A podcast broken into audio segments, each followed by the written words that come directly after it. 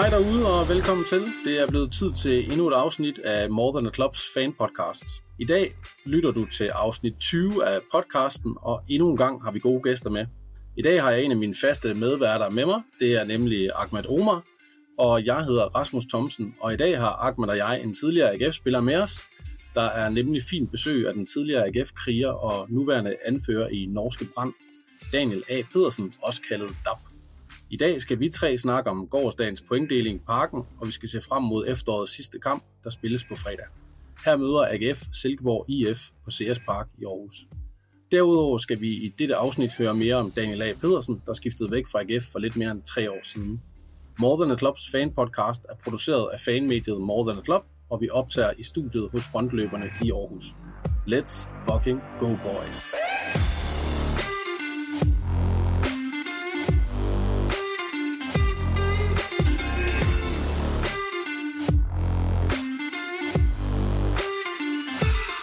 Jamen, øh, særlig velkommen til Daniel A. Pedersen. Du er med på en online forbindelse fra Norge, går jeg ud fra. Øh, hvordan går det med dig, Daniel? Jamen, det går øh, okay. Øh, jeg sidder heroppe i, i regnen i, i Bergen. Øh, så jeg er lidt, øh, lidt halvskadet øh, nu, men øh, derudover så, øh, så går det fint. Ja, og øh, nu spiller du jo hos Brand i den bedste norske række, og I havde en kamp i går, hvor I spillede uafgjort ud mod Sandefjord. Øh, jeg kan se, at I er i en lidt svær situation i ligaen lige pt. Øh, med tre runder tilbage ligger I faktisk øh, sidst med 8 point op til redning, men med to point op til en kvalkamp. Kan du fortælle så lidt om den situation, I er i deroppe lige nu, Daniel? Det er jo klart, det er en, øh, det er en alvorlig situation, øh, og det har det egentlig været helt fra, fra starten af sæsonen, øh, hvor vi, jeg tror vi taber de første syv kampe, øh, og ligesom har kæmpet for det der lige siden. Øh, det er klart, at vi har tre kampe tilbage, vi skal nok vinde to af dem. Øh, så det er, det er bare at arbejde hårdt på, på træningsbanen, og så, så gå ud og give den alt, hvad man har i, i kampen, fordi det, øh, det bliver nogle vigtige kampe. Det kommer nok til at leve helt indtil til sidste spilrunde. Og kan du ellers sådan sætte lidt ord på, på Brand? Hvad er det for en klub? Nu er sådan, øh, sådan dansker som mig. Jeg kender ikke vanvittigt meget til, til norsk fodbold, andet end måske Rosenborg og den slags. Øh. Hvad er det for en størrelse klub og historie og fans? Øh, kan du fortælle om det? Men altså, jeg synes egentlig, at, at klubben minder meget om, om GF. Og, øh, så det er jo den anden største by i, i Norge, Bergen. Øh, og der er lidt det her forhold også øh, Bergen mod Oslo, ligesom der er Aarhus mod København. Øh, der er også en, en rigtig stor opmærksomhed omkring, omkring Brand. Øh, der er massiv opbakning øh, fra fansene og, og fra byen, så øh, jeg synes, at sådan, jeg synes, at det minder øh, meget om GF, og, og det blev jeg også lidt overrasket over, da jeg, da jeg kom herop, at, øh, at der var en klub, som, som minder lidt om det, man kom fra. Fedt. Så skal vi jo sige velkommen til dig, Ahmed. Øh, du fyldte over i går, og stort tillykke med det. Og øh, så selvfølgelig også tillykke med det ene point i parken, øh, Ahmed. Men først, så optager vi jo lidt atypisk i dag, fordi at jeg sidder alene i studiet i dag uden dig. Jeg er kun en tom stol. Du er blevet syg igen, Ahmed. Du er hårdt ramt. Hvordan, hvordan har du det her dagen der på fødselsdagen, og det ene point og med sygdom? Ja, men altså, i, for, i forhold til hvad det kampen i går, så, videre, så har jeg, har haft det super fint og så videre. Men jeg tror, nogle af, nogle af fejringerne, det gik lidt for vidt i form af at få været lidt for meget ude i frostvær og ikke, ikke så meget søvn og alt for meget indbords. Øh, samtidig med, at der, der er stor højsæson for, for sygdom og så videre for tiden, så det, det er det kombinerer i, men det skal ikke holde mig fra, øhm, fra at være med og være med øh, til sådan en samtale med en, øh, en gammel klubikon. Det lyder skide godt, Ahmed.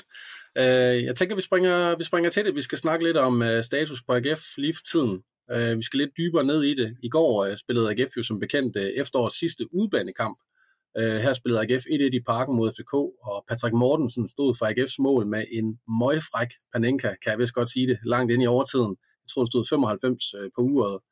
Øh, Ahmed, er det næsten en sejr, når en kamp den slutter sådan, som det, som det skete i går?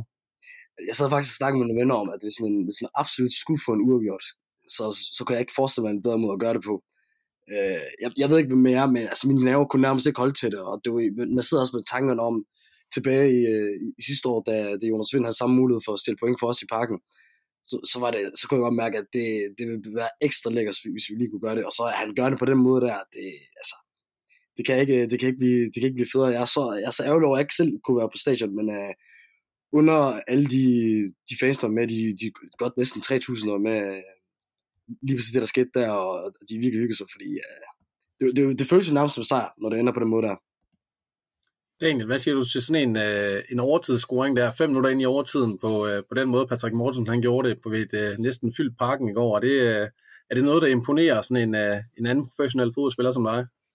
Ja, det må man sige. Det var, det var iskoldt. Øh, det var, øh, jeg, jeg mener, jeg så det i bussen øh, på vej tilbage til, til lufthavnen, at, øh, at han havde lavet den. Det er, det er frækt lavet, man skal godt nok have nerver og stål for, for at gøre det. Uh, men det viser også bare, hvilken karakter han har. Så uh, jeg synes, det var, det var fedt at se, og det var fantastisk, at det var ned mod uh, enden med, med alle GF-fansene. Det, uh, jeg er sikker på, at det har været en, en vild oplevelse for ham selv også. Og så tænker jeg jo, det er jo en mand, som man i hvert fald her i Aarhus har snakket meget om på det sidste, mangler selvtillid. Der synes jeg, øh, så dem, der har snakket om det, der synes jeg, han viste i går, at øh, det er en mand med, med spanden fuld af, af selvtillid i hvert fald. Øh, men øh, vi skal snakke lidt mere om de her FCK-kampe. Øh, I går var der jo lidt mere end 25.000 tilskuere til en kamp i slutningen af november, og mere end 2500 af de fremmødte var AGF-fans, så stor ros til alle AGF'erne derude herfra også. Øh, hvor vigtig er den her øh, FCK-kamp, eller det her FCK opgør egentlig for, for AGF, skulle jeg godt tænke mig, at vi snakker lidt om. Ahmed, øh, du øh, var jo også med i sidste afsnit af vores podcast, øh, hvor du også gav udtryk øh, for her i, om det her AGF AGF FCK opgør, at det efterhånden sådan at er nummer et på din liste over vigtige AGF-kamp.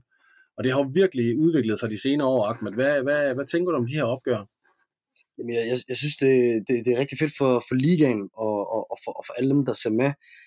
At man, man kan have sådan nogle kampe her, der, der på en eller anden måde øh, udfordrer altså, den her kæmpe seriekamp, som er Brøndby FCK-kampen. Og, og, som jeg også fortalte i sidste podcast, der, så, altså, så jeg er jo vokset op med, at FCK har været øh, the, the big dogs, og det der med, at, at, at Brøndby er dem, man helst vil slå, det er lidt sådan noget, der ligger en, en anden generation til, fordi altså, jeg, jeg kan godt mærke, når, både når jeg er på, på station, også de gange, hvor jeg er med på, på udbanen, så er det, der er noget med FCK der, og så er der så også alt det her med, at de har nærmest øh, Kuvaui, hvilke spillere de vil hen til klubben, og, og så er der også den her Københavner øh, arrogance, vi også fik snakket en, en, en masse om, og så er det jo det, at, at de har været det hold, øh, de sidste 20 år, der har vundet altså, by far flest øh, trofæer og så videre, og så har det jo super meget at gøre med, med ens selvforståelse af, at man altid vil sammenligne sig med, med de bedste, og det er øh, FCK jo nærmest altid på næsten på nær sidste sæson. Så at, øh, at de to største byer i Aarhus kan, kan begynde at få et, øh, sådan opgør her, som betyder mere og mere, og det kan man også høre for, ikke bare for, for os fans og, og AGF-spillerne, men også for FCK-spillerne, også øh, Bøjlesen var også rigtig god ud at sige det, og det kan man også mærke på dem, man kan også se bænken, der for FCK's bænk, de fik jo flere kort og så videre, så det er jo en kamp, der begynder at betyde noget for begge sider af opgøret. Og Daniel, du har jo stået i det, du har jo spillet de her AGF mod FC København kampe. Hvordan var det dengang, øh, du spillede AGF? Øh, var det også FC København opgørende, der var de største, eller hvem, hvem vil man gerne slå dengang? Øh, hvem var lidt federe at slå end andre, dengang du spillede AGF? Ja, det er jo klart, at både FC København og Brøndby er, er store kampe, hvis vi ser på, på Københavnerholdene. Øhm, men jeg synes jo specielt det her med, at det Aarhus mod øh, København, øh, den, øh, den twist der, og de to største byer mod hinanden, øh, der skal være knald på, og det, det er bare fede kampe at spille. Øh, der er masser af opmærksomhed omkring de kampe, og man kan mærke fansene, de, øh, de glæder sig helt vildt til de kampe. Byen, den sommer jo fodbold op til. Øh, så det er klart, at det var nogle kampe, man så frem til, og det var nogle kampe, man, øh, det var lidt ekstra, lidt ekstra at vinde de kampe. Og hvad tænker du sådan om det her med selvforståelse? Nu siger Ahmed også det her med, at det er jo fordi, at vi i Aarhus også rigtig gerne vil kunne måle os med FC København. Da du spillede i AGF også, Daniel, så kæmpede I også lidt for, for resultaterne, og vi skal jo ikke lægge skjul på, at, øh, at FC København har været lidt mere succesrig end, øh, end AGF de senere år. Øhm, hvordan var det sådan som spiller? I var jo egentlig underdogs hver gang. Altså kunne man godt øh, alligevel tage til parken og tænke, vi kan så godt vinde derovre? Ja, selvfølgelig kunne vi det. Øh, jeg synes egentlig, det passer os fint at være lidt underdogs. Øh, Øh, det der med, at, øh, at de store hold, de, de kommer og tror, de ligesom kan, kan køre over os, det, øh, det tror jeg egentlig passer os fint. Altså, vi fik jo også slået øh, Brøndby. Øh, vi fik nogle gode resultater, øh, både mod FCK og Brøndby indimellem, så øh, ja, altså for os, der, øh, der var det lidt ekstra spil i kampe der, det er jo, det er jo specielt at møde, øh, møde de Københavnerhold, fordi de øh, kan til tider være lidt, øh, lidt mere arrogante, end, øh, end vi er her i Jylland. Øh, men øh, jeg tror egentlig, det passer os fint, og for os, der handlede det om at gøre Aarhus stolte og, og sørge for, at, øh, at vi kunne stikke en, en kæppe hjulet på, på københavnerne. Og hvis vi lige tager helikopteren lidt op igen og kigger ned, så øh, er der nu spillet 16 kampe af grundspillet. AGF ligger nummer 7, og der er fire point op til 6. pladsen, som Silkeborg PT sidder på. Og netop Silkeborg er jo så modstanderen på fredag i efterårets sidste kamp. Øh, Ahmed, vi to har i hvert fald snakket om, at det her det har ikke været den sæson, vi havde drømt om, og der er ikke rigtig blevet bygget videre på, øh, på det, vi, havde, vi har set de seneste år med en, en bronzemedalje og en fjerdeplads. Men når vi nu ser på det her scenarie, fire point op til 6. pladsen, som er Silkeborg lige nu, og dem mangler vi endda at møde. Hvad skal målsætningen så være øh, for AGF nu? Øh, det har vi jo snakket meget om. Er det top 6? Er det medaljer? Er det, øh, er det fint nok bare at blive nummer 7 i år? Eller hvad, hvad, hvordan har du det lige nu, Ahmed? jeg tror, at i starten af øh, sæsonen der, så, så, så havde man jo nok nogle forhåbninger om, at, at man måske, måske skulle gå efter nogle øh, øh medaljer. Øhm, men, men der var jo den her tvivl her, øh, fordi at nu, nu har vi lige fået en, en ny sportsdirektør, der, og vi har mistet no, no, nogle af de bedste spillere i form af Dix og, og Højer og, og Grabata og så videre til, til både til rivaler og til udlandet og så videre, som, som gjorde, at det afhænger jo meget af transfervinduet, og så når vi fik hentet de spillere ind og så videre, så så det jo stadigvæk super godt ud. Jeg, jeg synes jo stadigvæk, at vi har en, en super god trup, men resultaterne har ikke været sådan helt det samme øh, i, i, i den her sæson indtil videre, og jeg tror, at længe var der jo nærmest frygt for, at, øh, at, at top 6-dommene øh, var helt forduftet, men nu er de jo så tilbage igen i form af, at vi med, med en sejr på fredag kan, kan komme med et points afstand til, til Silkeborg. Og, der, og der, derfor vil jeg 100% mene, at, øh, at top 6 helt klart skal være en modsætning. Jeg, jeg, jeg tror desværre, at, at, at medaljedrømmene er, er løbet ved først, men, men eftersom at vi lige kunne få et point med FCK, og at det begynder at se bedre ud, så, så, så ved jeg ikke. Altså, du, jeg, jeg prøver altid at, at være optimistisk, men hvis jeg skal være helt realistisk, så, så, så, så, så, så er det ikke noget, jeg tror på. Men jeg vil ikke udelukke det, at, at det godt kunne blive medaljer, ligesom, ligesom med, øh, med FCK sidste år. Der tror jeg heller ikke, at, at, at de, de fleste jeg forventede, at de, de kunne forvente lidt til medaljer, og, og helt til sidst var det nærmest også ud som, at de havde muligheden for at kunne tage mesterskabet. Øh, og det er det, det er det super fede med, med det her mesterskabsspil her, at øh, meget hurtigt, hvis man lige pludselig tager to sejre, som tilfældigvis skal være nummer 1 og 2, fordi øh, det det vi jo allerede bevist, at vi kunne slå FC Midtjylland og, og tage point for FCK, jamen så kan man lige pludselig komme rigtig højt op. Øhm, så det realistiske svar vil nok være, at, at vi skal gå efter top 6, men øh, medaljerne er ikke, en, øh, er ikke en mulighed. Og Daniel, nu er det måske et svært øh, spørgsmål for dig, fordi det lige er AGF mod Silkeborg, der lige pt. ligger og kæmper om den her 6. plads. Men vil du sådan sige overordnet set, at AGF skal i top 6? Er det en realistisk forventning til, til klubben AGF? Ja, det synes jeg, det er. Uh, så også i forhold til den spillertrup, de har.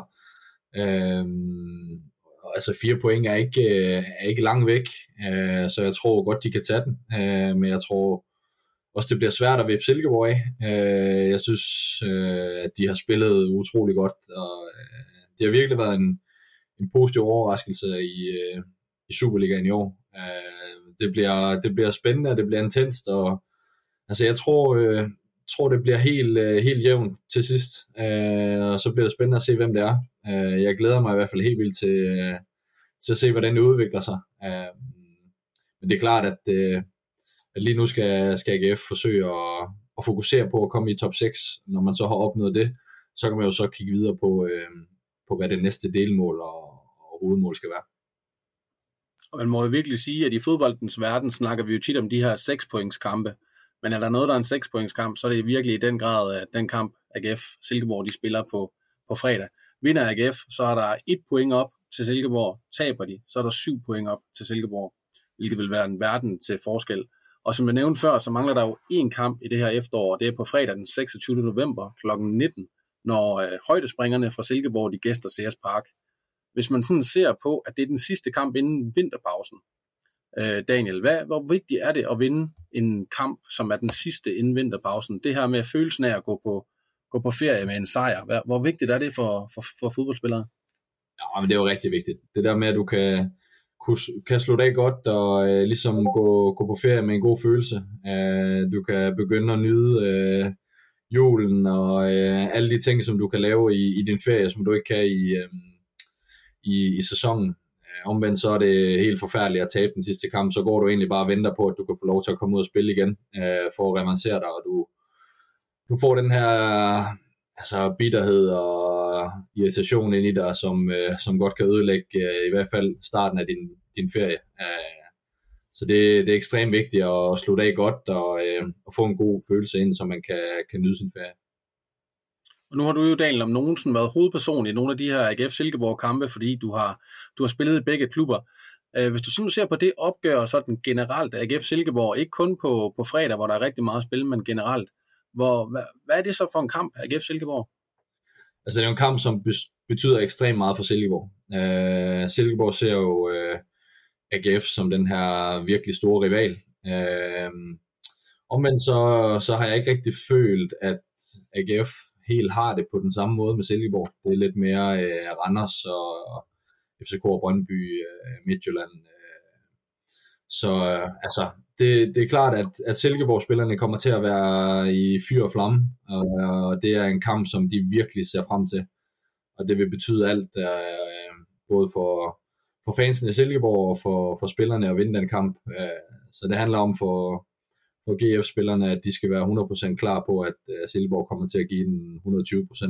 Uh, og det er bare at være forberedt på det. Men var din oplevelse som Silkeborg-spiller at AGF, det var de kampe, man glædede til allermest til? Ja, det var det jo. Altså, nu har jeg jo selv været, været Silkeborg-fan, da jeg var lille og stået på stadion, og øh, det, det var AGF, men man glædede sig til at komme på besøg. Øh, det, øh, sådan har det været, siden jeg voksede op, at det var, det var AGF, der var, der var den store rival, og det var dem, som man, øh, man gerne ville slå. Øh, så altså det kan jeg uden tvivl sige, at det er en af de største kampe for, øh, for i hvert fald fansene i, øh, i sæsonen. Og Ahmed, hvad med dig, når vi hører AGF Silkeborg? Nu snakker vi jo meget om, at AGF FCK er ved at være sådan en ny klassiker, og der er det her AGF Brøndby som noget historisk, og AGF Randers er også begyndt at, at bygge sig op til noget, men hvad tænker du sådan om, om opgøret af AGF Silkeborg? Betyder de noget særligt for dig? Jeg tror, at det er sådan eneste rigtige relation, jeg har til Silkeborg, er jo faktisk er født der. Øh, burde så kun til, at jeg var to år gammel, så det, ikke særlig meget, jeg har, jeg har derfra, udover at øh, folk, når de hører, hvor jeg er født så finder det, det er et eller andet sted i, i, lavet i Afrika eller andet, men det er så bare Silkeborg. Det er bare Silkeborg. Det er bare i Silkeborg. Jeg vil sige, at, altså, at Silkeborg har det på den måde, er ikke det samme i år, så tror jeg også bare, at det har noget at gøre med, med, med både byernes størrelse og klubbernes historie og så videre. Øhm, men, men, men efter, altså, når, når jeg så i dag tænker på Silkeborg, så tænker jeg på den der famøse øh, kamp her i Aarhus, hvor der var udsolgt, og AGF formår at score tre mål, men taber alligevel fodboldkampen øh, til, til, til Silkeborg. Ellers så tror jeg ikke, altså der, der er det vildeste Silkeborg. Jeg tror, man har noget respekt til deres talentafdeling her i byen, i, i form af, at vi, vi har ikke kunne formå at, at sende spillere som Kasper Dolberg og, og Robert Skov til sådan uh, nogle, nogle kæmpe, respekt, øh, eller kæmpe adresser. Uh, så for, for personligt for mig er der, er der stor respekt for det, specielt når sådan en stor, lille klub der kan skabe uh, to så profilerede landsholdsspillere. Uh, men ellers, så må jeg jo være ærlig, det er jo ikke, det er jo ikke en, en kamp, man, man, man ser frem til, men det er helt klart, altså lige meget hvor godt de spiller, en kamp, man skal vinde. Og så er der jo det her med kunstgræsset. Nu spiller vi jo godt nok på fredag øh, på CS Park i Aarhus, men der er jo kommet kunstgræs på Silkeborgs nye stadion. Daniel, jeg ved ikke, du, øh, hvordan er det i Norge? Der er der en del kunstgræs, er der ikke det? Ja, der, der er rigtig mange kunstgræsbaner. Så der, det har du vel også en, en mening om. At, hvad, hvad, med sådan, hvad tænker du om, at der er kommet kunstgræs i Silkeborg? Åh, det ved jeg ikke. Øh, altså, det, jeg har altid syntes, det er en god græsbane. Det er, det er fantastisk at spille på. Øh, jeg må sige, jeg, jeg synes, de har fået bygget et utroligt flot stadion. Øh, og så må der have været en grund til, at de har, de har valgt at lægge, øh, lægge kunstgræs. Øh, men altså, som fodboldspiller, så så jeg er jo vokset op på, på græs og på græsbaner, øh, så, øh, så det er jo det, jeg er vant til. Der kan være en, nogle, nogle andre meninger i nogen, som, som vokser op nu, og, og virkelig får, får spillet på kunstgræs øh, igennem en hel sæson. Øh, men øh, altså heroppe i Norge glæder man sig også til at spille på de baner, som, øh, som er græs. Okay. Og jeg tror, Ahmed, jeg taler for os begge to, når jeg siger, at vi er glade for, at vi spiller på, på almindelig græs på fredag, fordi AGF har det ikke altid så godt på, øh, på kunstgræs. Øh, jeg vil lige også i, i, i forhold til også noget, det du, Ahmed, siger øh, omkring sådan minder om Silkeborg. Jeg sad jo også og tænkte, da jeg skulle ind og snakke lidt om Silkeborg i dag, over hvad jeg sådan har af minder fra, fra Silkeborg kampe. Der dukkede alligevel en del sjove minder op, synes jeg. Det er jo ikke sådan nogle affjendeagtige minder op, men ligesom dig, Ahmed, mit seneste sådan store minde er jo selvfølgelig øh, her efteråret 2019, hvor øh, stadionrekorden på Sears Park bliver, slået, øh, bliver slået. Jeg tror, der er en 23.000 tilskuere, folk sidder på løbebanen osv., og AGF taber naturligvis øh, kampen. Men ellers så har jeg virkelig gravet dybt i min hukommelse, og, og som barn, der kan jeg svagt huske en kamp på Aarhus Stadion, hvor at øh, Silkeborg, de har Preben Elkær som træner. Og det var jo meget stort for sådan en ung, øh, et ung gut som mig at komme ind og se det. Så kan jeg faktisk huske, at han blev, han blev udvist. Øh, og jeg kan også huske øh, en kamp, og det kan, kan muligvis være den samme kamp. Jeg husker det som værende en vanvittig kamp. Men jeg er næsten sikker på, at det var mod Silkeborg, og det, var, det er noget, der også har printet sig ind i sådan en lille dreng som mig dengang, at der simpelthen løber en nøgenmand på banen. Øh, det ser man sjældent, men øh, det, var, det var meget mærkeligt. Og så kan jeg huske også, øh, det er også nogle år siden omkring øh, starten af nullerne, at øh, AGF de havde jo en spiller, der hed John Jensen dengang. Og øh, der var også en anden John Jensen i dansk fodbold dengang, der blev kaldt Faxe. Så, så i Aarhus, der kaldte vi ham John Sears Jensen, og jeg kan faktisk huske, at John Sears Jensen, han skiftede til Silkeborg. Og det var faktisk ikke særlig populært øh, at være John Jensen på det tidspunkt. Jeg kan huske, at, øh, at nogle af de kampe, der kom efterfølgende, der var fansene faktisk en del efter John Jensen. Øh, og så havde jeg jo en, en, måske en af de vildeste oplevelser, da jeg var 13 år gammel. Også på Aarhus Stadion mod Silkeborg. AGF kæmper for at ikke at rykke ned. Øh, øh, vi er tilbage, hvad sagde jeg, øh, i 01-02 sæsonen. Det var dengang, hvor det var begyndt at gå rigtig dårligt for AGF. Der, øh, der spiller AGF den aller sidste kamp i sæsonen på hjemmebane mod Silkeborg, og hvis AGF taber, er der en risiko for, at de rykker ned. De ender så med at vinde 4-0 over Silkeborg. Morten Poulsen scorer et, Søren Andersen scorer to, og Morten Duncan Rasmussen på en 16-17 år laver også en kasse. Efterfølgende så stormer vi jo simpelthen banen, alle fansen, også 13 år i mig, og vi fejrer den her 10. plads, som var det guld. Og øh, der var mere end 15.000 tilskuere, så det, det er sgu en masse gode minder, jeg, jeg også har om, øh, om øh, de her øh, Silkeborg-kampe. Så var jeg faktisk også med til, øh, med til indvielsen af Jysk Park, som også var en kamp mod AGF. og sådan øh, en stor kamp at være deroppe, som du også siger, Daniel. Et super fedt stadion, de har fået deroppe eller dernede. Øh, så det er, øh, det er jo bare fedt også, at, øh, at der kommer nye stadions her rundt omkring. Så øh, det, var, det var sådan et lille sidespring også med nogle af mine oplevelser fra, øh, fra oplevelser med Silkeborg. Lige for at vende tilbage sådan til AGF også, nu skal vi jo øh, spille den sidste kamp her på fredag, men jeg vil også godt have, at vi lige runder nogle af de nye spillere. Øh, der er jo noget af det, AGF jo øh, måske er blevet kritiseret lidt for, det er jo ikke at spille, ikke spille så godt i det her efterår, blandt andet fordi de har skiftet rigtig, rigtig meget ud. Michael Andersen er kommet til, Mustafa Bundo er kommet til, Frederik Brandhoff, Erik Karl, øh, Anthony Di Alberto, øh, Jan Bisak osv. Øh, Ahmed, lige et spørgsmål sådan til dig. Kan vi begynde at se, hvor det bærer hen af med alle de her nye spillere? Det synes jeg. Jeg synes, øh, det er bare så for nogle, for nogle kampe siden havde en, en, øh, en rigtig god position der, og, og forhåbentlig skubber Oliver Lund øh, længere væk fra, fra startopstanden. Ham er, er, er, er desværre stadig ikke så, så, så stor fan af, og så er der en Erik Karl, som jeg synes har været blændende, lige siden han, øh, han, han kom til, og gør det også rigtig fint øh, for det svenske øh, U21-landshold. Øh, så så jeg, jeg, synes, det, det synes, jeg, synes, jeg synes helt klart, at, at det gør det. Jeg synes også, at der, der er kommet noget stabilitet på holdet, som naturligt kommer til, øh, kommer, når en masse nye spillere bliver spillet ind på, på et hold, og, og det er ikke noget, der, der går hurtigt, og det er heller ikke nu jeg tror, man, man skal se tydeligt fra kamp til kamp, men over en, periode, så synes jeg, at, øh, at præcisionerne er meget bedre. Jeg, jeg kan huske flere gange, at vi har siddet i studiet og, og nærmest været øh, flow på vegne af vores hold, i, i form af de præcisioner, de, de har givet, og det, det har jeg ikke, den følelse har jeg ikke haft i, i et stykke tid, så jeg synes, det, det ser godt ud. Og Daniel, det er selvfølgelig svært for dig at forholde dig til, øh, når du ikke er spiller her, og måske ikke følger så meget med. Men, men det, der er sket i AGF, er jo, at, at rigtig mange profiler er rejst den her sommer, og øh, man har skulle forsøge at erstatte dem alle sammen. Hvad, kan du sådan som spiller beskrive lidt om, hvad betyder det egentlig for, for en klub at skifte så meget ud? Altså, er det okay at bruge det som undskyldning, øh, at man har, man har haft så stor udskiftning? Ja, det synes jeg godt, man kan. Altså, det tager, øh, det tager lidt tid at få, få spillerne, de nye spillere ind i både systemet, men også i relationerne til hinanden. Øh, og man skal ikke tage fejl af, at, at det med relationer spillere imellem er ekstremt vigtigt øh, i, i kampene. Øh, hvis du ved, hvad, hvad din sidemand og ham foran der gør i de forskellige situationer, så er det, så er det nemt at, at få tingene til at fungere. Omvendt så, øh, så skal der laves fejl, og der skal, øh, der skal bruges lidt tid på at, at finde ud af de her relationer. Øh, nogle gange så går det hurtigere end andre gange, øh, og det kommer selvfølgelig også an på, hvilke spillere der kommer ind, og hvor mange der kommer ind, øh, og hvor hurtigt de, øh, de falder til. Øh, fordi det er også klart, at de nye spillere, der kommer til, til klubben, de, øh, de skal også lige falde til, både i, i klubben og, og i byen. Øh, og det går lidt hurtigere nogle gange end, end andre gange. Og inden vi skal videre til, øh, til vores del 2 i, i det her afsnit, så skal vi også lige runde David Nielsen. Øh, fordi fodbold, det går jo ekstremt stærkt. Og for kort tid siden, så blev der jo fra nogle fankanter sådan snakket om trænerfyring af David Nielsen. Og man kan sige, nu øh, har AGF øh, i sidste kamp, der, der vandt de 3-0 over FC Midtjylland, og i går spillede de 1-1 i parken. Og hvis de nu vinder over Silkeborg på fredag, jeg ved, der, der lige er et vist der, jamen så ser det hele jo faktisk rigtig, rigtig godt ud. Så kommer man på vinterferie øh, med et enkelt point op til Silkeborg. Men tingene kan ikke gå stærkt. Man kan også tabe på fredag til Silkeborg og, og have syv point op.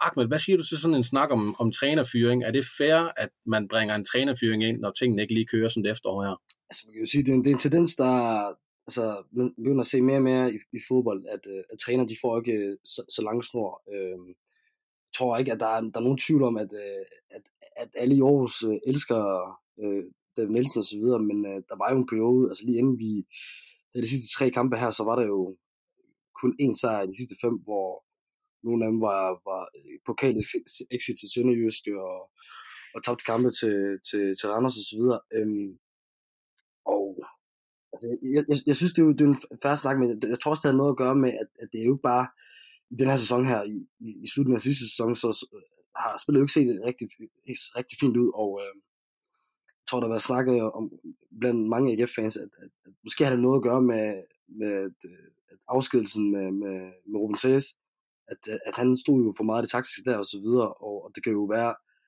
at folk begynder at tænke, at, at, at det næsten ikke havde det til sig øh, i, for, i form af at køre det på den måde. Der der er ikke nogen tvivl om, at hans mandskabsudtagning og være en, en leder og en, en god træner er noget af det, jeg synes, han er bedst til i ligaen. Men, men det var måske nu er det taktiske, men begynder at se de største tegn ved, om han har kompetence inden for det.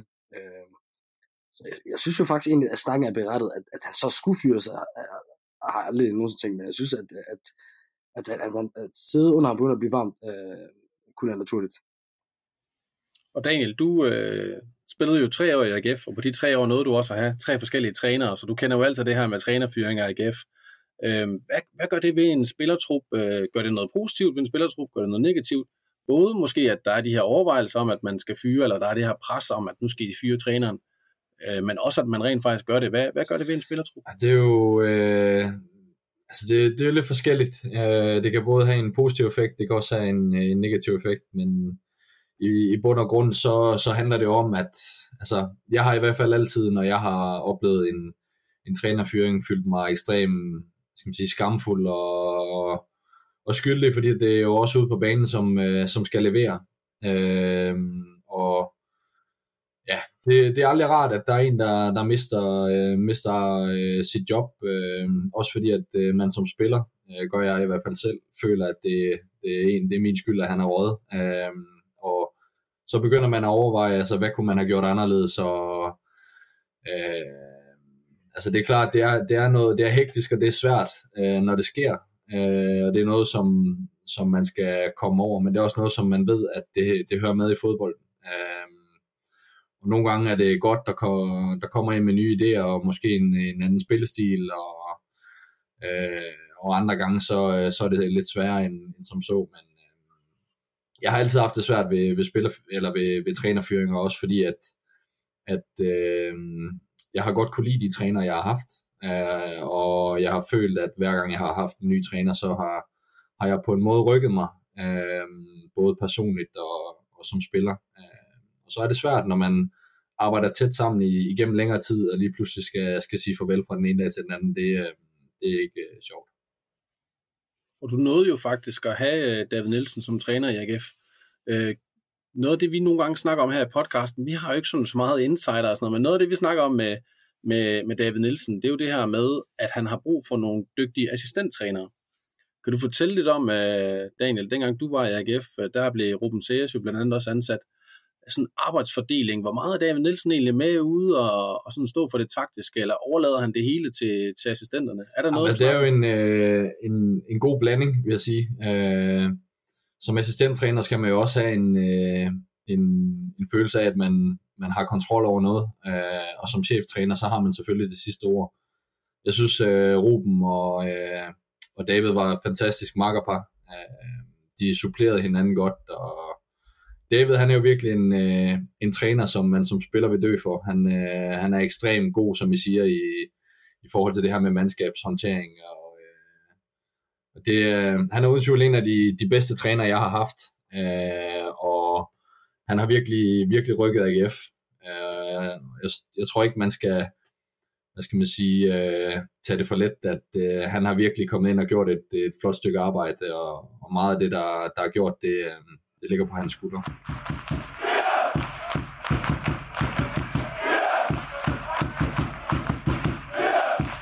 Og øh, nu er vi kommet dertil, at øh, vi skal til del 2, øh, Daniel, og det er jo med fokus på dig. Ja. Og her tænker jeg, øh, at øh, vi skal have spolet tiden en lille smule tilbage til øh, din AGF-tid. Vil jeg gerne starte med. Du spillede jo fra AGF i, fra 2015 til 2018, og der optrådte du i alt 76 gange i den hvide trøje i Superligaen, og derudover så spillede du også nogle kampe i pokalen, og øh, du var jo en af, en af legenderne, kan vi godt afsløre, der var med til at spille AGF i pokalfinalen i 2016. Øh, men oprindeligt, Daniel, vi har jo været lidt inde på, at, øh, at du øh, kunne lide Silkeborg som barn, og det er jo fordi, at øh, du også kom op den vej igennem. Du slog først oprindeligt igennem Silkeborg, og så blev du hentet til AGF fra netop Silkeborg IF, hvor du ellers var en stor profil, og du var øh, 22 år på det tidspunkt. Du havde optrådt seks gange på 21-landsholdet. Der var en del turbulens omkring det skifte fra, øh, fra SIF til AGF dengang. Daniel, kan du sætte nogle ord på tiden dengang, hvor det blev meldt ud, at du havde skrevet under med AGF ved kontraktudløb ved Silkeborg? Ja, men det var jo noget, som, øh, som folk ikke var så glade for i Silkeborg. Det var også noget, jeg var, var forberedt på. Øh, men det er jo klart, at det, det, det var lidt en vanskelig situation. Øh, jeg var ung og øh, vidste ikke helt, hvordan jeg skulle, skulle håndtere det. Øh, og jeg kan også huske, det var svært for min, for min familie, som, som jeg også har været Silkeborg-fans øh, igennem øh, ja, hele livet. Øh, jeg har en tvillingebror, som, som jeg, inden vi begyndte sådan for alvor at spille fodbold, var, var på stadion med og hver eneste weekend og, og se Silkeborg spille, så det var, det var svært lige pludselig det her med at, at være elsket i, i sin egen by, til at gå til at være hadet i sin egen by, øh, men øh, jeg havde ligesom taget en beslutning om, at jeg skulle lægge de her følelser til side, fordi at jeg har, havde en drøm om at komme ud og opleve en masse ting, øh, og prøve mig selv af på, øh, på forskellige, øh, forskellige steder. Øh, så, men, men jeg skal ikke lyve, det var, det var vanskeligt, og det var hårdt i, i starten. Øh, det var det. Og hvad, altså oplevede du nogle, nogle grimme ting fra Silkeborg-fansen af dengang? Ja, altså der var jo folk, der sagde noget til en, når man gik, øh, når man gik ud i byen, øh, og man blev kontaktet på, på sociale medier og øh, på stadion, hvor man blev, blev buet af, men, men altså det, det her på stadion og sådan, det, det kunne jeg ligesom håndtere. Jeg synes, det var lidt, øh, lidt sværere, øh, hvis man bliver kontaktet ude i byen, fordi at, øh, det, det var ligesom ikke så, ikke så behageligt, specielt hvis man, øh, hvis man gik med sin familie eller, øh, eller noget andet. Hvis jeg var alene, var det fint nok, fordi at jeg har aldrig rigtig haft problemer med at stå op for mig selv, øh, men jeg ville helst holde min, min familie ude af det, og det er også derfor, jeg sagde til min, øh, specielt min mor, at hun skulle ikke øh, tage på stadion øh, det sidste halvår, jeg var i, i Silkeborg. Okay, det lyder alligevel sådan lidt, lidt barskt. Øh... Ja, men ikke, for, ikke, ikke fordi, at der, der skete noget voldsomt på stadion eller sådan, men jeg ved bare, at hun ville blive øh, ked af det, hvis, øh, hvis hun hørte, at folk råbte ting efter mig, eller, øh, eller buede af mig, øh, hvis det var det hold, de, de fans for den klub, jeg spillede for.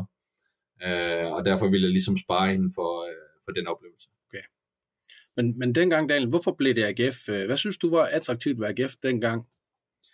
Jamen altså, jeg, jeg har altid set AGF som en stor klub, øh, og øh, for mig så føltes det som et, øh, et godt skridt.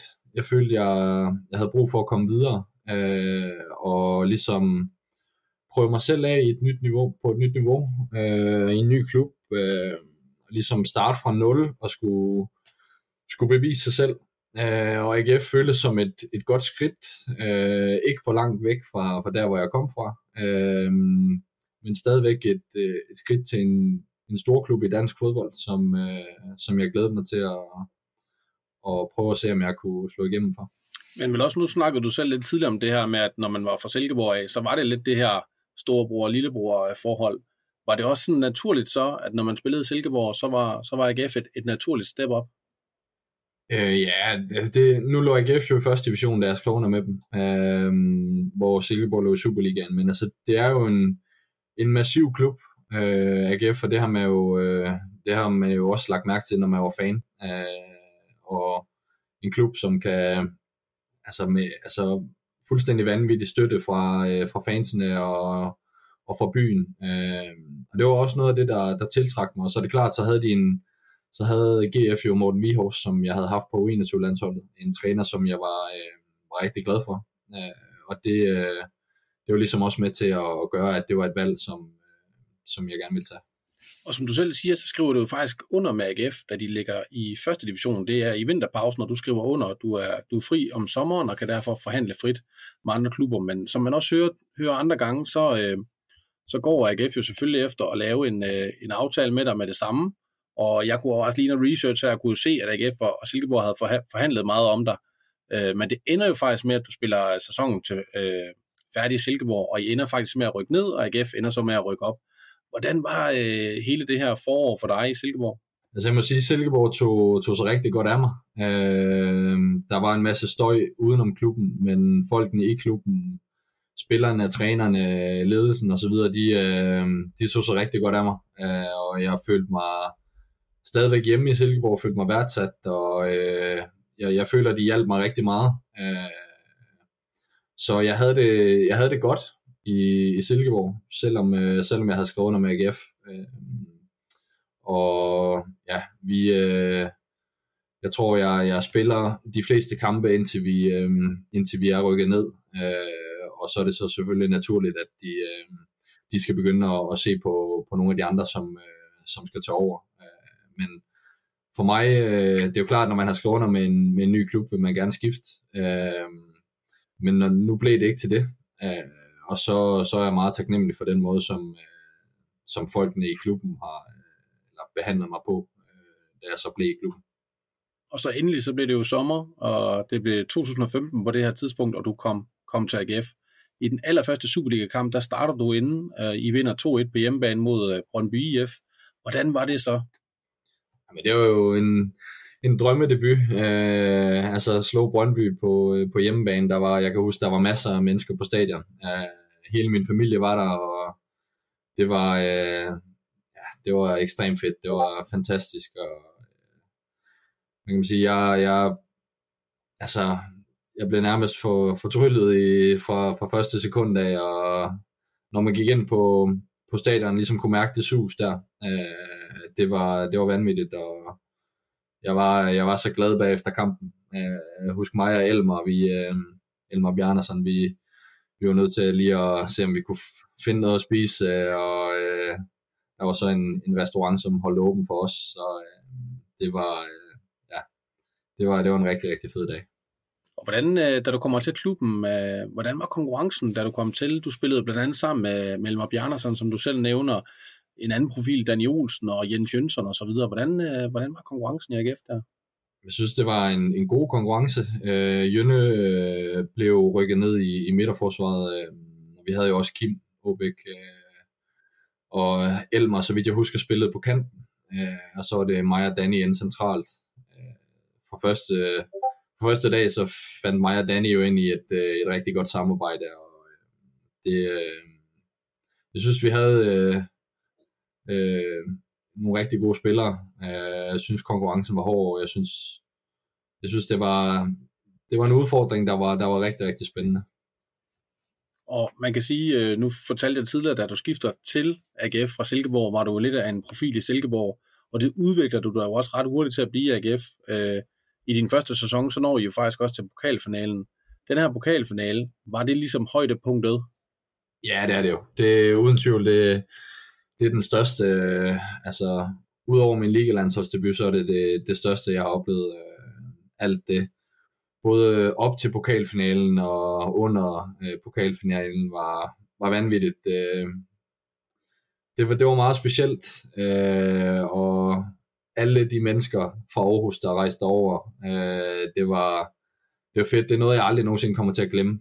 Øh, selvfølgelig var det en kæmpe skuffelse at tabe den. Men jeg vil så også lige sige, at de to semifinalkampe, specielt den sidste øh, på Aarhus Stadion mod, mod OB, det, øh, den ligger tæt op af pokalfinalen, fordi det var, øh, det var fuldstændig vanvittigt også med baneinvasion og øh, alt det her, og bagefter sammen med fansene, det, øh, det var ekstremt. Øh, den ligger højt op af, også øh, i forhold til, at vi vinder den kamp, og vi taber jo desværre pokalfinalen, så øh, derfor der ligger de to kampe nok lidt tæt på hinanden. Og øh, du, du blev jo netop også den her fanfavorit i, i øh, den her tid også, hvor I, hvor I lykkedes med at komme i pokalfinalen og sådan noget. Hvordan mærkede du selv det øh, at være en fanfavorit i Aarhus? Altså, det er jo, der var jo mange, som, som hilste på en på, på gaden, og, og det var, jeg har aldrig oplevet noget øh, ubehageligt i Aarhus. Det har altid været med et smil. Øh, selv når det er gået øh, dårligt, øh, så har øh, folk gerne vil snakke og gerne vil hilse på en. Det synes jeg er jo hyggeligt. Øh, og jeg ved ikke, øh, jeg har altid været altså nu har jeg jo selv været fodboldfan som lille, så jeg har også altid tænkt, at hver eneste gang jeg, der er en, der gerne vil snakke med mig, så skal jeg tage mig tid til at, at være høflig og tid til at, at snakke med, med folk, fordi jeg ved, at det betyder noget, uh, specielt også med børn. Uh, så jeg ved ikke, uh, så jeg, jeg kunne godt mærke, at, at der var mange, der gerne ville hilse. Uh, men jeg synes, det var fedt, og jeg har, jeg har altid nyt at, at være i Aarhus, og jeg har kun mødt øh, mødt søde og, søde og rare folk. Nu er der jo også sådan lidt med din øh, spillestil, Daniel, og der er jo også noget, noget historisk AGF. Noget af det, man godt kan lide at se i AGF, det er jo nogle af de her lidt, lidt hårde typer, særligt inde på midtbanen, og der har jo været, været en del spillere før dig der også. Øh, betød det noget i måden, du spillede på? Blev du, øh, var du opmærksom på det, at folk i Aarhus måske godt kan lide, at øh, man takler lidt igennem, eller, eller noget andet? Øh, jeg var ikke så meget opmærksom på, på lige akkurat det. Øhm, jeg har altid været en, og vil altid være en, en holdspiller, som jeg er måske ikke den, der er mest synlig, men, men jeg gør, hvad jeg kan for, for at hjælpe holdet og for at hvad skal man sige, give 100% for den klub, jeg er i. Øhm, og så har det alt efter været, hvilken træner, som ville have mig til det ene eller det andet, så har jeg prøvet at udfylde den rolle så, så godt jeg kunne. Øh, men selvom, øh, selvom jeg har spillet dårligt, så har jeg altid forsøgt at, at give mig 100%. Øh, og det tror jeg også, øh, at fansene har kunne mærke, at øh, det betød noget for mig. Øh, og, og hvad skal man sige, selv hvis jeg havde en dårlig kamp, så, så betød det noget for mig at, at lægge alt, hvad jeg havde ude på banen øh, og, og kæmpe for, for klubben. Øh, det, det er det vigtigste, man, man gør. Øh, du kan være inde i svære perioder, hvor du spiller dårligt med bolden, men, men du kan altid, øh, altid give alt, hvad du har, og så nogle gange er det, er det bedre end, end andre gange. Og nu har vi jo allerede snakket lidt om nogle af dine tidligere holdkammerater. I, I, I havde et rigtig godt hold, øh, og I, I nåede pokalfinalen i 2016. Men i dine tre sæsoner i ligaen i, i AGF, der kæmpede I jo godt nok lidt med resultaterne, Daniel, og I ender faktisk på en 11. plads, en 10. plads og en 7. plads i de tre år, du er der. Hvorfor blev det ikke til mere, tror du? Ja, det er vanskeligt at sige. Øhm, det, det nemme svar er jo, at vi, vi ikke var gode nok generelt, øh, og øh, vi, vi må bare sige, at vi var, øh, ja, vi var ikke gode nok i, øh, hvad skal man sige, de afgørende situationer og i, i de enkelte kampe. Øh, man siger jo tit, at, øh, at tabellen lyver aldrig. Øh, og øh, ja, det, det er vanskeligt lige at forklare, hvorfor at, øh, at vi ikke gjorde det bedre, end vi gjorde. Øh, jeg synes, vi havde holdet til at levere bedre. Øh, og øh, ja, der må man bare øh, kigge ind af og, og, og sige, at øh, man, ikke, øh, man ikke leverede godt nok. Og jeg synes, det var, øh, hvad var det? Det var i min sidste halv sæson i AGF, hvor vi virkelig begyndte at tage fart, og vi vandt en hel masse kampe, og øh, vi også nåede i den her playoff-finale mod øh, FCK øh, i parken om Europa. Øh, jeg synes, øh, der begyndte det for alvor at tage fart, øh, og det, øh, det var også en, en fed måde at slå af på. Der var jo også det her, som vi har været lidt omkring, men med trænerfyringerne. Da du kommer til AGF, der har du Mort Vihor som træner, og ikke særlig lang tid derefter, så bliver han faktisk fyret og bliver erstattet af Glenn Ridersholm, og så når du jo også at opleve endnu en fyring, og så få David Nielsen til sidst. Havde det sådan nogen betydning, måske det her med netop med, at det var lidt svært at skabe resultater, at der var så meget udskiftning blandt trænerne? Oh, det ved jeg ikke, det kan godt ske, men øh, vi havde også øh, en del udskiftning i, i forhold til spillertruppen. Øh, og der var en overgang, vi havde mange forskellige øh, nationaliteter, og øh, truppen var måske ikke så harmonisk. Øh, men øh, altså, det ved jeg ikke. Altså, det, det, er jo, det er jo de samme spillere i forhold til, når der kommer en ny træner, det er de samme spillere, der skal levere. Øh, nogle gange fungerer det bedre end, end andre gange, og nogle gange så er spillestilen, passer den bedre til de spillere, der er, end, end andre gange. Øh, men det er klart, at øh, jeg tror, det har gavnet AGF rigtig meget, at, øh, at nu har, har David siddet der i et godt stykke tid, og, øh, og jeg håber virkelig, at de, øh, de kommer tilbage på, på det, vi har set de sidste par sæsoner, fordi at, øh, der, har, der har man virkelig kunne se den, øh, den impact, det har været, at en, en træner har, har fået lov at, at få tid til at, til at sætte øh, sit hold og sin spillestil. Hvad betyder det for dig personligt, de her tre trænerskift? Var der en træner, du havde det bedre under end en anden, eller altså, havde det nogen særlig indflydelse for dig, hvem, hvem der var træner for dig? Ja, altså det er jo klart, når, når der kommer en ny træner, så skal man, øh, så får man typisk en ny rolle. Han, øh, han ser dig på en anden måde, han ser holdet på en anden måde, og alt efter hvordan vi, vi skal spille. Øh, så selvfølgelig har det en betydning, men øh, det, er ikke, det er ikke fordi, jeg sidder og tænker, at der var en af trænerne, jeg ikke ville have haft. Øh, fordi at jeg, jeg føler selv, at jeg nåede at få et, et tæt forhold til alle, alle sammen. Øh, og det, øh, ja, det, du udvikler dig som spiller, når der kommer en ny træner, fordi så kommer der en, der ser på dig på en anden måde. Øh, du skal ligesom bevise dig selv igen på ny. Øh, og der er en ny spillestil, så du får nogle nye kompetencer og, og sådan. Øh, så øh, det er klart, at det, det er lidt sjovt at skifte træner, men, men når du kigger tilbage på det, så, øh, så har du alligevel fået noget, noget positivt med. Og øh, dine sidste kampe for AGF bliver jo i den her 17-18 sæson, hvor, hvor du som, også, som du siger også, I ender med at blive nummer syv. Øh, I spiller den her playoff-kamp i parken, og du er faktisk en, en del af holdet og spiller fuld tid i rigtig mange af de her kampe det her forår. Øh, du spillede blandt andet på hold med Niklas Bachmann, Bro Blume, med Jesper Julesgaard, Jakob Ankersen og Kasper Højer Nielsen, som jo senere var med til at vinde bronze med AGF og, og være med. Det var ligesom starten på det her David Nielsen hold, som som nu endte med at vinde bronzemedaljer og, og en fjerdeplads i sidste sæson.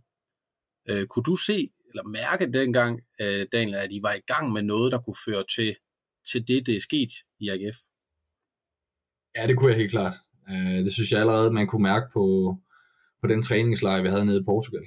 Øh, jeg tror også, vi ender med at vinde øh, den turnering dernede faktisk. Øh, at, øh, at, at der, var, der begyndte at tegne sig, sig noget rigtig godt, øh, og Øh, vi begyndte at få nogle rigtig gode relationer til hinanden ude på banen. Øh, jeg synes, øh, Ruben og, og David var, var rigtig gode til at, til ligesom at skabe de her relationer og, og give os den frihed til at, til at lære hinanden at kende øh, på banen og uden for banen. Så jeg synes, det, det helt klart var, det tegnede til noget, der var rigtig, rigtig godt.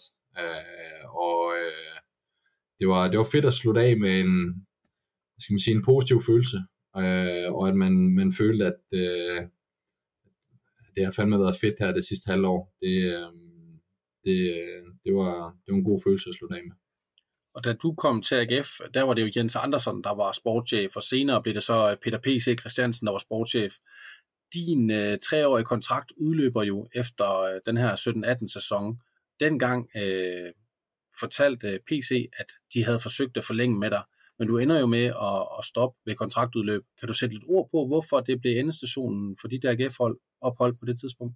Øh, jamen altså, det var en, øh, hvad skal man sige, en, en periode, hvor vi havde fuld fokus på, på øh, at se, om vi kunne komme i den her øh, Europa, Europa-slutspil her.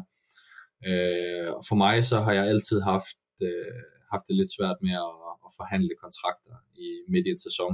Øh, jeg vil helst gøre det i, i en ferie, øh, og for at holde fokus på, øh, på det, vi har gang i. Øh, så det var ligesom, nu, øh, nu fik vi ikke, øh, øh nu var det ikke ligesom på, på bordet at, forhandle kontrakt i, øh, i vinterperioden, øh, hvor jeg havde et halvt år tilbage, og så havde jeg egentlig besluttet, at, at så venter jeg til sommer.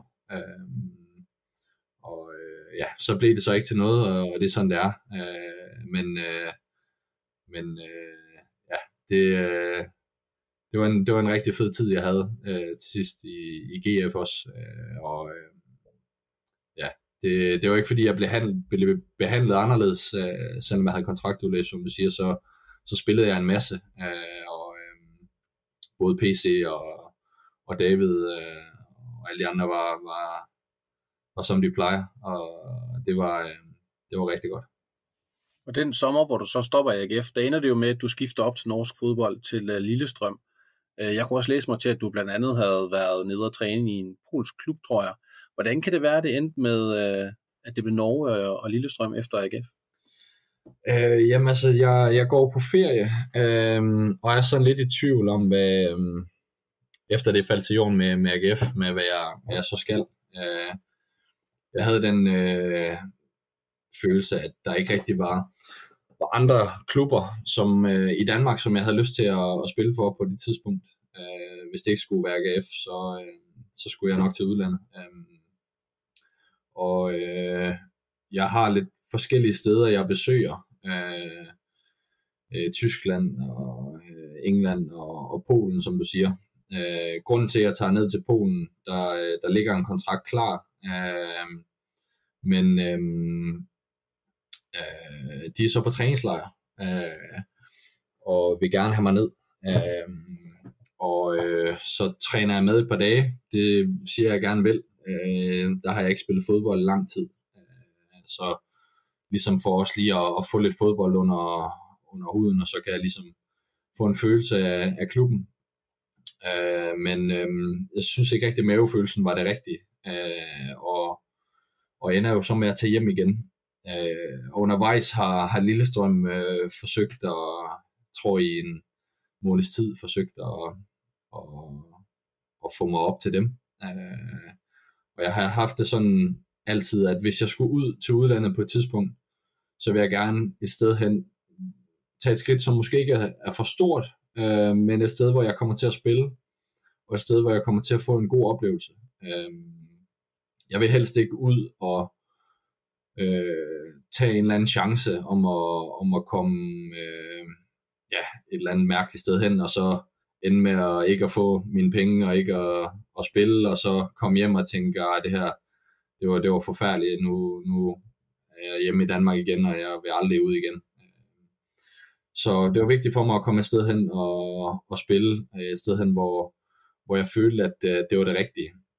Så jeg sidder, jeg, jeg sidder på min sofa på et tidspunkt en, en formiddag, og så ringer min telefon, og det er sportschefen for Lillestrøm, som, som siger, at han har bestilt nogle flybilletter. Nu, øh, nu skal jeg bare sætte mig på flyet, og så komme op og se en kamp.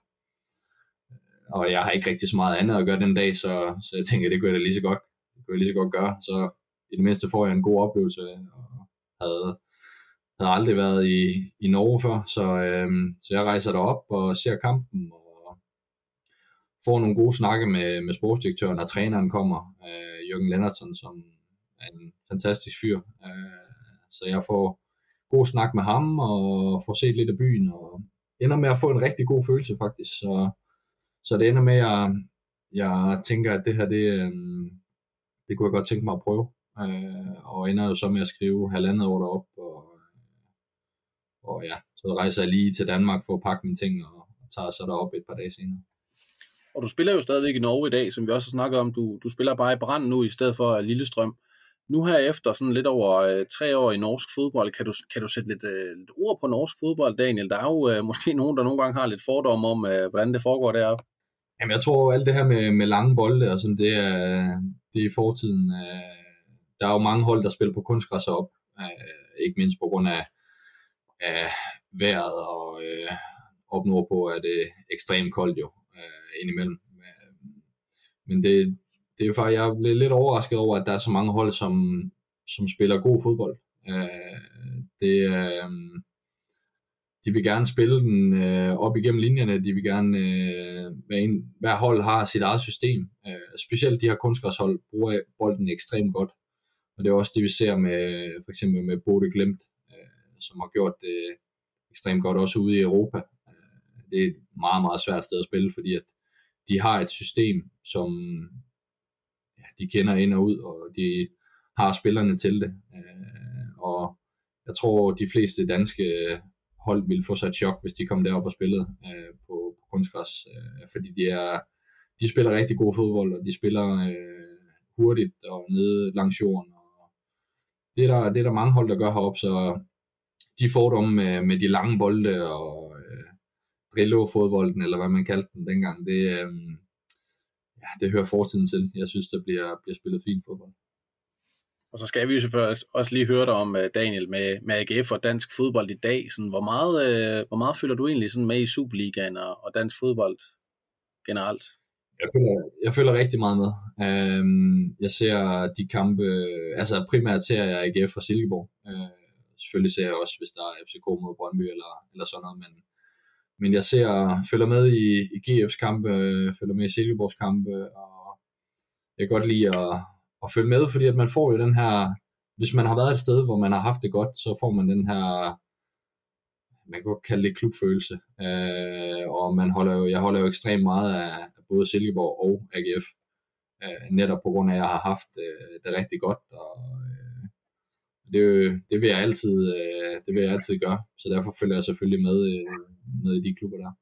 Og hvad med, hvad med fremtiden, Daniel? Nu er du 29 år i dag. Øh, har du sådan øh, gjort dig overvejelser om, skal du hjem og spille i dansk fodbold på et tidspunkt, eller er du typen, der vil blive ude, eller er du så glad for Norge, at det er, det er der, I har slået jer ned nu? Hvordan ser du på fremtiden?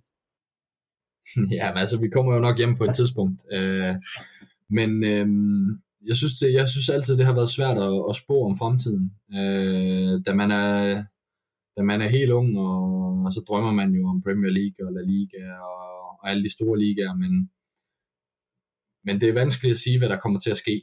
Øh, så jeg, har, jeg tager det sådan lidt et vindue ad gangen, og en dag ad gangen. Øh, ser lige pludselig, jeg er ikke øh, afvisende om at, at vende hjem til Danmark. Jeg er ikke afvisende over at, blive her.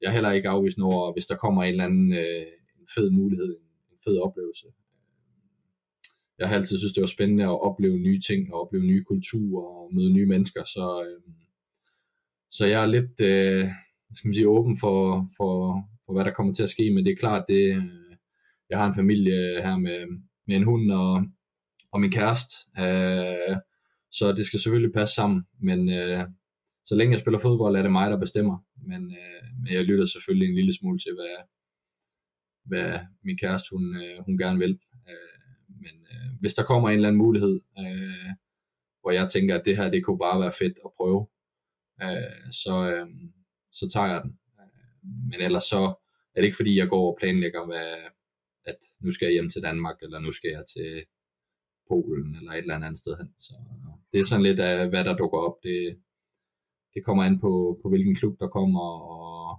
ja, hvordan det hele det lige udvikler sig. Hvor lang tid er det, du har tilbage af din uh, brandkontrakt? Jeg har et år tilbage.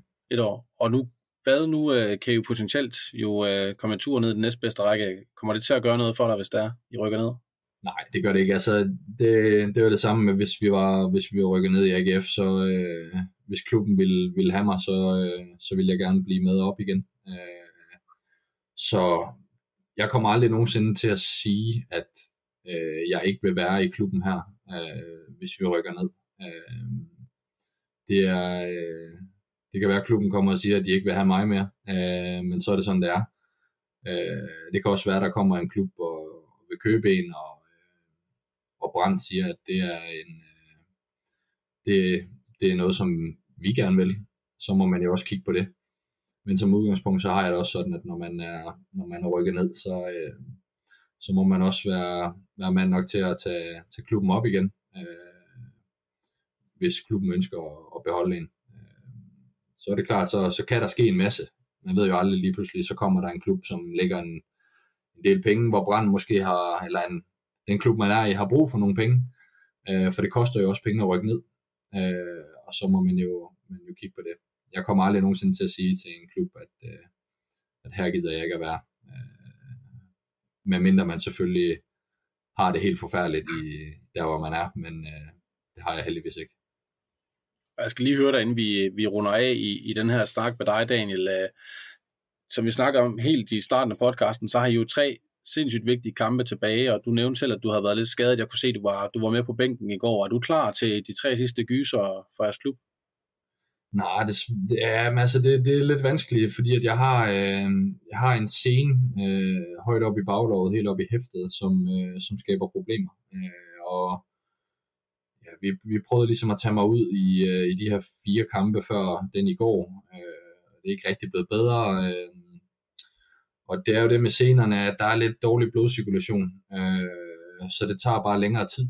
Øh, så nu, i stedet for at, at misse resten af sæsonen, og så sidde inde i, øh, i øh, styrkelokalet bare og, og se på de andre kæmpe øh, for livet, så, øh, ja, så, så har jeg bare sagt, at nu vil jeg ud og, og se, hvad jeg kan, og bidrage med det, jeg kan. Og så må jeg være skadet i min ferie, hvis, hvis det ender sådan, men men øh, det er så vigtigt nu, at, øh, at vi har folk klar, at, øh, at jeg har, altså trænerne og, og fyserne, de ved, hvad jeg, altså, hvordan det er, at det ikke er 100%, og det ikke bliver det før efter sæsonen, men, øh, men jeg er der i hvert fald og, og er med til at, at hjælpe der, hvor jeg kan.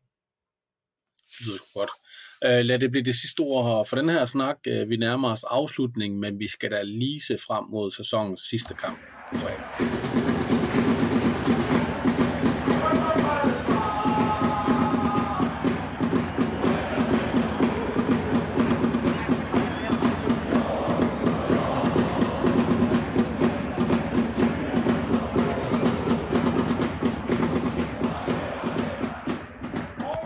Jeg tænker, nu skal vi til, til, øh, til del 3, som er vores afrunding på, øh, på podcasten i dag. Nu har vi startet med at snakke lidt aktuelt om AGF, for vi har set lidt frem mod Silkeborg-kampen.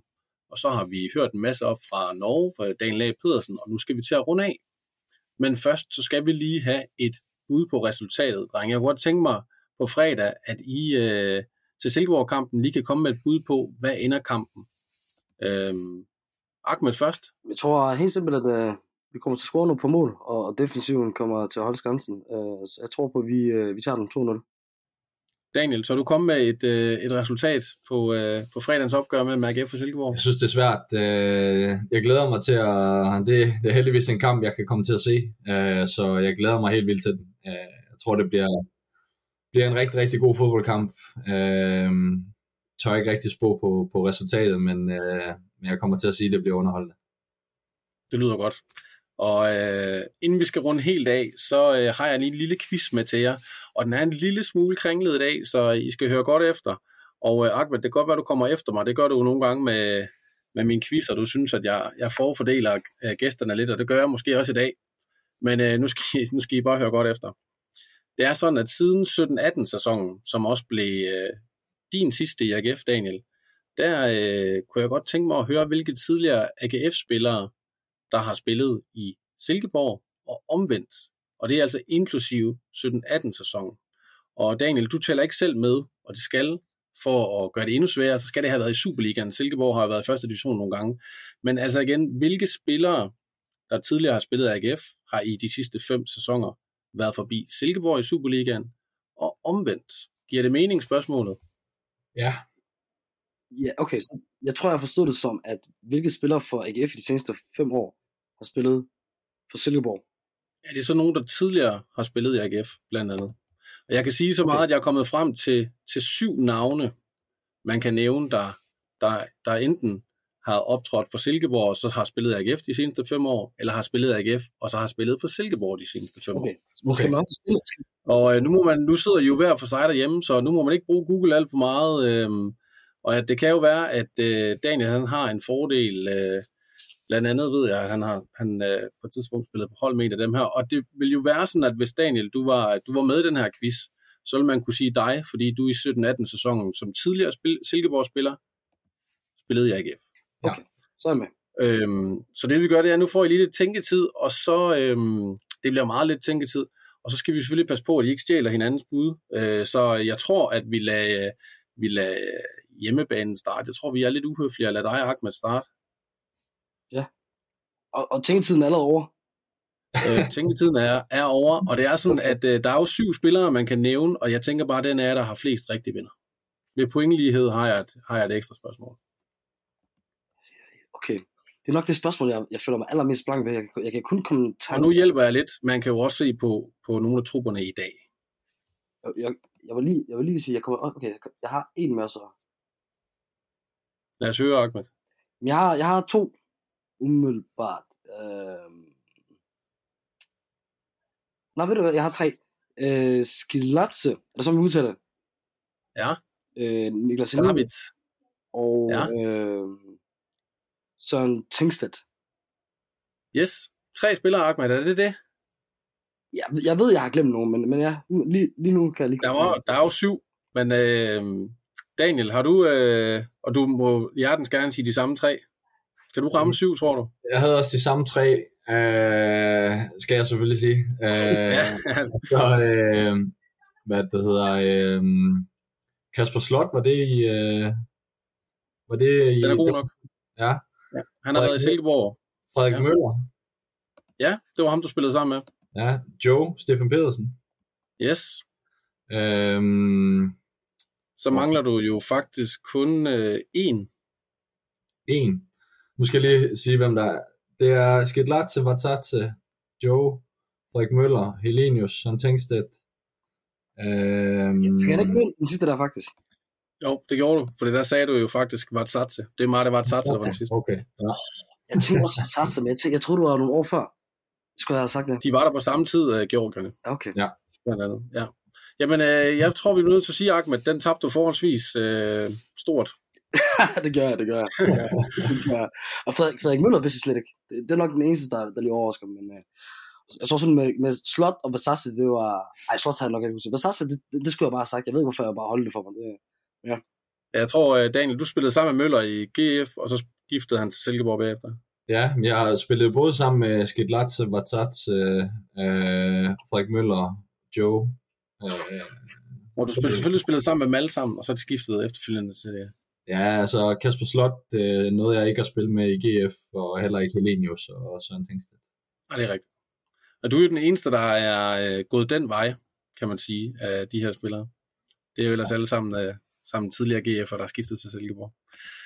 Øhm, det lyder godt, øh, og øh, så siger jeg lige, at nu nærmer vi os jo sådan set af afslutningen, og derfor så skal vi jo sige et stort tak til, øh, til dig, Daniel. Det har været en, øh, en kæmpe fornøjelse at have dig med, og alt muligt held og lykke fremover. Vi krydser fingre alt, hvad vi kan for at I klare skærene i ligaen. Øh, og tak til dig, Ahmed. Øh. Ahmed, inden du... Øh, inden vi siger tak for i dag, så vil jeg lige høre, om der er noget, du skal dele med dine medfans her på falderæbet.